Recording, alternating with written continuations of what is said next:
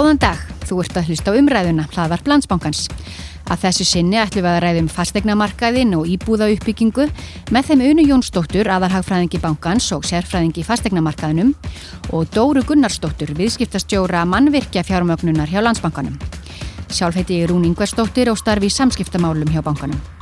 Hlaðvarpið er tekið upp 7. apríl og landsbankin er fjármálafyrirtæki sem lítur eftirliti fjármálaeftirlitsins. Hagsmunaskráningu og fyrirvaram á finna á landsbankin.is umræðan hlaðvarp.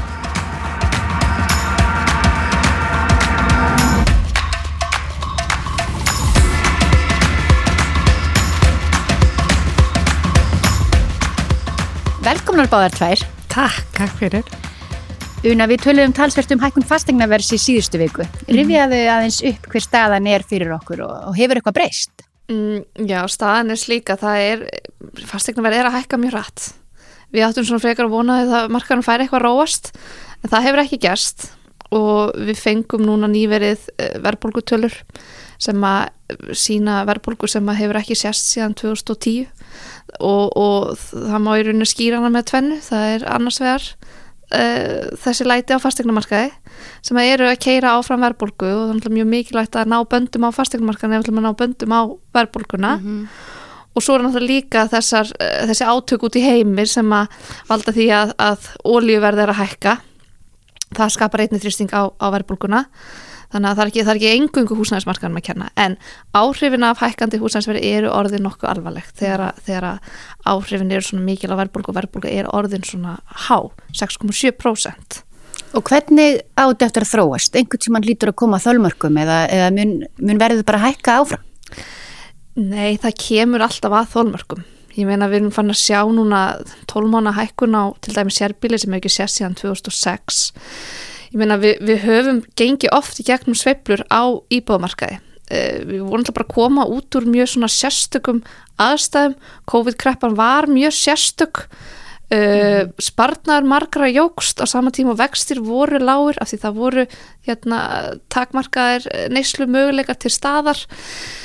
Ég meina það bendir allt til þess að við, við komum smá saman upp úr, úr þessu meina daglegt líf er, er, er óðum að breytast uh, við erum byrjuð að sjá vakstahækkanir og meina það bendir allt til þess að, að uh, vextir munu hækka talsvert, það eru tvei, tveir hérna vaksta ákvæmna fundir núna mm. á þessum ásjóningi En hvað gerist ef að Sælabankin hækkar ekki vexti? Er það einu svona inn í myndinni?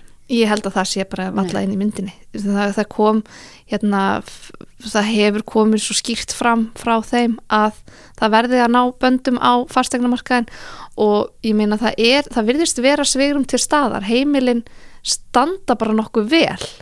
Uh, við sjáum það að, að hlutfall heimila sem að meta húsnæðskosna þunga byrði hefur lækkað þannig að þrátt fyrir, alla, fyrir, fyrir þessar hækkan í fastegnaverðs þá, þá er staða heimila ágætt um, ég held að sé alveg svigrum til vaksta hækkana, minna það bara er verður til þess að, að slá eitthvað á þessa eftirspurt sem að er. Þannig að og það er í mæ segiru að næsta ákverðin í mæ er næsta ákverðin já. Um, og það er einmitt eins og ég segi, það er alla líkur á að það verði ágætis að vaksta hækkun þá sko. Hvenar kemur ykkar stýrivaksta spá í hagfræði deildinni? Það er stuttu fyrir fundin, Já. það er ekki alveg, ekki alveg komin dagsetning en hérna Svo þú vilt ekki skjóta á eitthvað? Ég, það, það kemur ljós það, við erum eftir að fá aðra verðbólgu tölur þannig að við hérna þá sjáum við aðeins hvernig, hvernig mm -hmm. staðan lítur út uh, já, það hefur áhrif á, á vaksta ákvöruna mm -hmm. En En Harry vextir draga úr kaupgetunni, kaupgetu almennings. Heldur að það muni þá draga eins úr eftirspurninni? Já, það, það, það er það sem við, mm -hmm. við mhm. gerum ráð fyrir að gerist. Mm -hmm. Af því núna er líka svo margir komnir í óvertriða mm -hmm. vexti og, og það er rífilega helmingur út að standað íbúrlána eru óvertrið sem er mikil breyting. Það var cirka 30% áður en faraldurinn skall á og þessir vextir eru næmari fyrir öllum ákvörunum Sælabankans þannig að sérstaklega þeir sem eru á, á breytilegum kjörum þau mun alveg mhm. finna fyrir hækkandi greiðslubyrði núna þegar að vextir uh, eh, Sælabankans fara hækkandi. Náttúrulega hafa mjög margi brúð á það ráða að festa vextina en eru það leind að borga aðeins herri, herri mm vexti? En svo hafa spila fólkflutningar inn í þetta líka. Hvaða áhrif hafa Já, auðvitað, hafa þær á eftirspurnina. Það er náttúrulega, það er líka eftirspurn sem að kemur, Mhm. eða sérst þrýstingur á uh, húsnæðisverð og jú, á, á eftirspurnina þörfinu fyrir húsnæð sem kemur frá, út frá uh, mannfjölgun, þannig að þó við náum eitthvað að kæla eftirspurn með vakstahækkunum, þá er þrýstingur vegna uh, fólk sem er að flytja hinga til lands ég meina við þegar að svona allir atvinnuvegir komast á flug uh, ferðarþjónustan sem er nokkuð mannafls frek atvinnugrein þá uh, hefur það í för með sér að, að, að við sjáum aukin hérna aukna fólksflutninga til landsins. Og það auðvitað skapar áskorunir á húsnæðismarkaði. Og það þarf að tryggja uh, náttúrulega nægt frambóð af húsnæði til þess að, að anna þeim hópi. En hvort að það verði endilega þrýstingur á sko kaupenda hliðina veit ég ekki. Gæti verið að það skapa svolítið þrýsting á, á leigumarkaðin þegar að hérna frek, frekar en, en, en markaðandi kaupa svona fyrstum sinn allavega þegar fólk er að, er að flytja til landsins og, og koma sér fyrir En hvernig er staðan á frambóðsliðinni og íbúðuruppbyggingunni? Er nógu mikið frambóð fyrir allt þetta fólk sem er að koma? Já, það er góð spurning og ég minn um, um þessi mál náttúrulega ríkir alltaf talsverð óvisa en við höfum verið að byggja talsverð af íbúðum núna á allra síðustu árum. Íbúðfjárfesting í fyrra var eh, 5,5% af landsframleyslu og svona jafnaði hefur þetta verið cirka 4% en við höfum núna á allra síðustu árum verið að byggja meira en svona eh, en, en, en nefnur svona á, á meðalári. Uh, en hvort það séu íbúðir sem að samrýmast sko þörf Mhm. og það sérstaklega til lengur tíma er svona alltaf aðeins óljósara. En það þarf að sjálfsög að sjá til þess að það sé stöðu uppbygging sem að er í takt við, við þörf sem að byggir að miklu leiti á fólksvöldningum til landsins Hvað segir þú um það, Dóra? Nú ert þú í hérna, miklum samskiptum við verktaka og, og, og við svona hérna, mannvirkja fjármögnunina. Þurfum við að byggja öðruvísi íbúðir eða erum við að byggja nóg? Hvað finnst þér? Eh, Sko það hefur verið ákall í rauninni frá, hérna, eh, frá markanum um að það sé byggt meira af hagkvæm húsnæði fyrir meðal annars tekilega á hópa. Og þá höfum við verið að sjá leigufélagin koma mjög sterk inn eins og hérna, bjarg íbúðufélag og þeir eru búin að vera að byggja mjög greimt síðustu árin til að mæta þessari þörf og hafa skapað alveg ákveð jafnfægi á þessum markaði en svo er það alltaf þessi íbúða gerð sem við veltum ekki fyrir okkur þegar fermetraverður orðið þetta hátt eins og það er í dag. Þá skiptir miklu máli að fermetrarnir séu vel nýttir og að íbúðuna sem byggðar eru að þær hérna, séu jável með fleiri herbyggi per fermetra heldur en einhver stór rými. En hvaðin til uppbyggingar hefur kannski aldrei verið meiri vegna háfastegnavers, eða hvað segir þau um það? Og eru til dæmis verktakar hafa þeir varan á sér ef að þessi eftirsput, eftir íbúðum dregst kannski skyndilega saman? Já, allavega eh, hérna ef við horfum á bara ofinbera tölur um byggingakostnað á móti íbúðverði þá held ég að hvaðin sé talsverð til uppbyggingar okkur að núna Já, þetta bíl hefur aldrei verið herra heldur Ég, akkúrat núna. einmitt Þannig að, hérna, og ég held að þó að til dæmis að, aðfeng sé að hækka í verðið og annars slíkt, þá er alveg rými fyrir verktaka til að fara stað og uh, hérna, þeir eru ekkert að gera ráð fyrir einhverju hækkun í veldisvexti á Nei, nei, þeir vita kannski að þessar, þessar 20 pluss prósent hækkanir á ári er ekki það er ekki sjálfbæri þróun til lengur tíma Algjörlega. En uppbygging, þú við talað um unnað uppbygging núna sjálfleika mikil og árunum 2005 til 2008 áður en markaðurinn fóru nánast í, í frost, segir, segð okkur aðeins frá þessu. Já, það er nefnilega þannig að við sjáum að þær íbúður sem eru að koma inn núna, það er að í fjöldatali af fullbúnum íbúðum eru bara átekkar því sem sáum svona cirka 2005 til 2008 um, en svo bara fór markaðurinn í hálfgjart frost, það komi bara mjög fáar íbúðir inn þó að það væri talsvært í byggingu en núna er allt einhvern veginn komið aftur á stað. Um, en ég veit ekki hvort að áherslunar hafa kannski eitthvað breyst í byggingageiranum, eru menn svona með aðra áherslur. Hérna, ég tel að hafi orðið sko tölver breyting frá árunum fyrir og eftir hrun og bara þá sérstaklega að tekna til þetta til gæði byggingar, bara menn lærða reynslunni og í dag eru gerðar mun ríkari kröfur er varða gæði bygginga. Viðskiptavinir, sérst bara kaupendur þeir eru líka farnir að gera ríkari kröfur bara til gæða og sjálfberni og ég til dæmis ungt fólk í dag kynnslóðum sem eru að koma núna eftir okkur, þau munu gera mun meiri kröfur til gæða og bara sjálfbærni og kólefnisspors þeirra byggingar sem þeir eru að kaupa.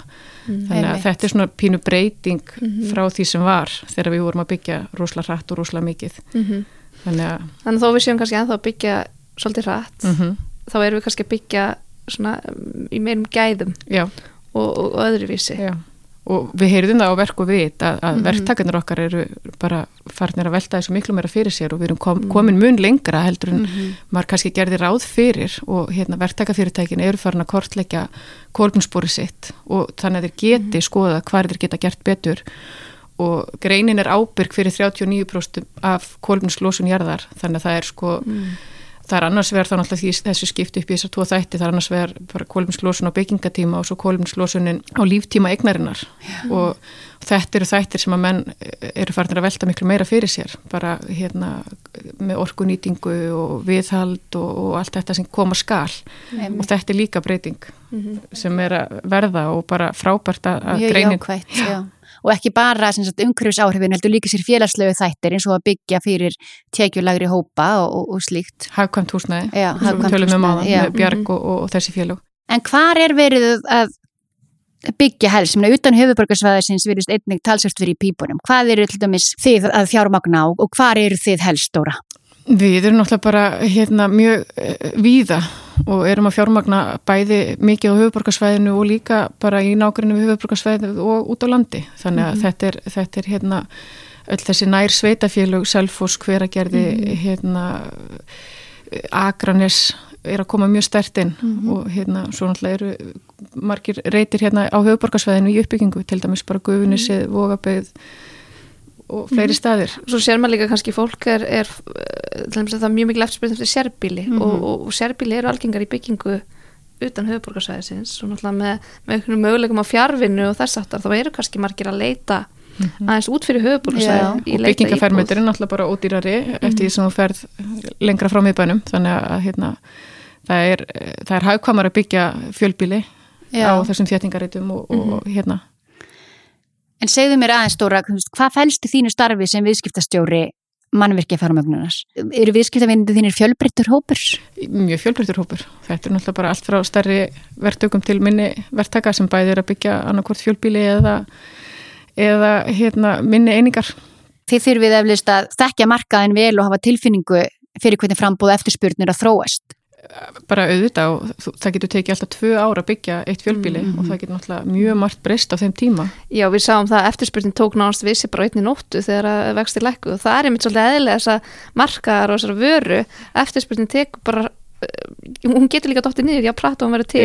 Tegur bara rás já, en, en, en ennið mitt, maður er með hérna það þarf svolítið svona framsýni í, í byggingargeiranum, því það tekur tíma að byggja. Algjörlega, og þetta er, þetta er svona kannski, þetta er alveg svona smá áskorun fyrir greinina í heilsinni mm -hmm. já, þannig að þá held ég sko allavega ef að, ef að eftirspurning dettur eitthvað niður þegar vextir hækka en við erum samt einhver síður að byggja talsvert, þá kannski kemur það sér ágætlega þegar við fáum uh, svona mikinn aðflutning til landsins.